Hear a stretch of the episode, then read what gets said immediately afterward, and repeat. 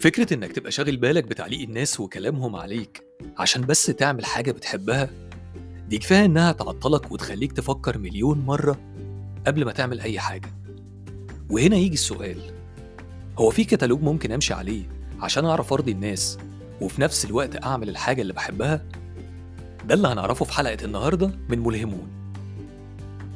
في الموسم السادس من برنامج المواهب Arabs Got Talent كان من ضمن المتسابقين شاب موهبة الغنى. طلع يغني لأم كلثوم وكان واضح جدا من رد فعل الناس ولجنة التحكيم قد إيه هم مبهورين من صوته. وكانت النتيجة فعلا إنه تأهل للمرحلة اللي بعدها. وبعد ما شكرهم قال لهم أنا عايز أقول بس حاجة صغيرة. وهنا بدأت الحكاية.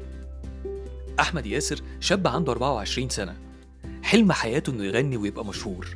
وعشان كده قدم في أرابس جات تالنت من حوالي 8 سنين. وكانت النتيجة إنه اترفض. لأنه ما كانش لسه اتعلم الغنى.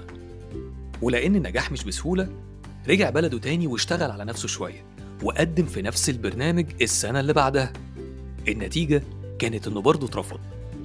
بس المرة دي قالوا له ما تجيش هنا تاني وسيبك بقى من الغنى لأنك لو جيت بالشكل ده برضه هنقول لك لأ.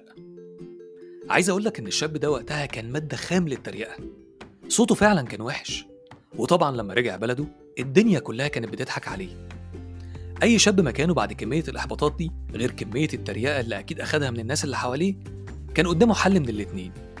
يا يسمع كلام الناس ويسيب حلمه اللي عايش بيه يا يسيب الناس دي كلها ويمشي لوحده في طريقه اللي قرر إنه يكمله ويجري ورا حلمه.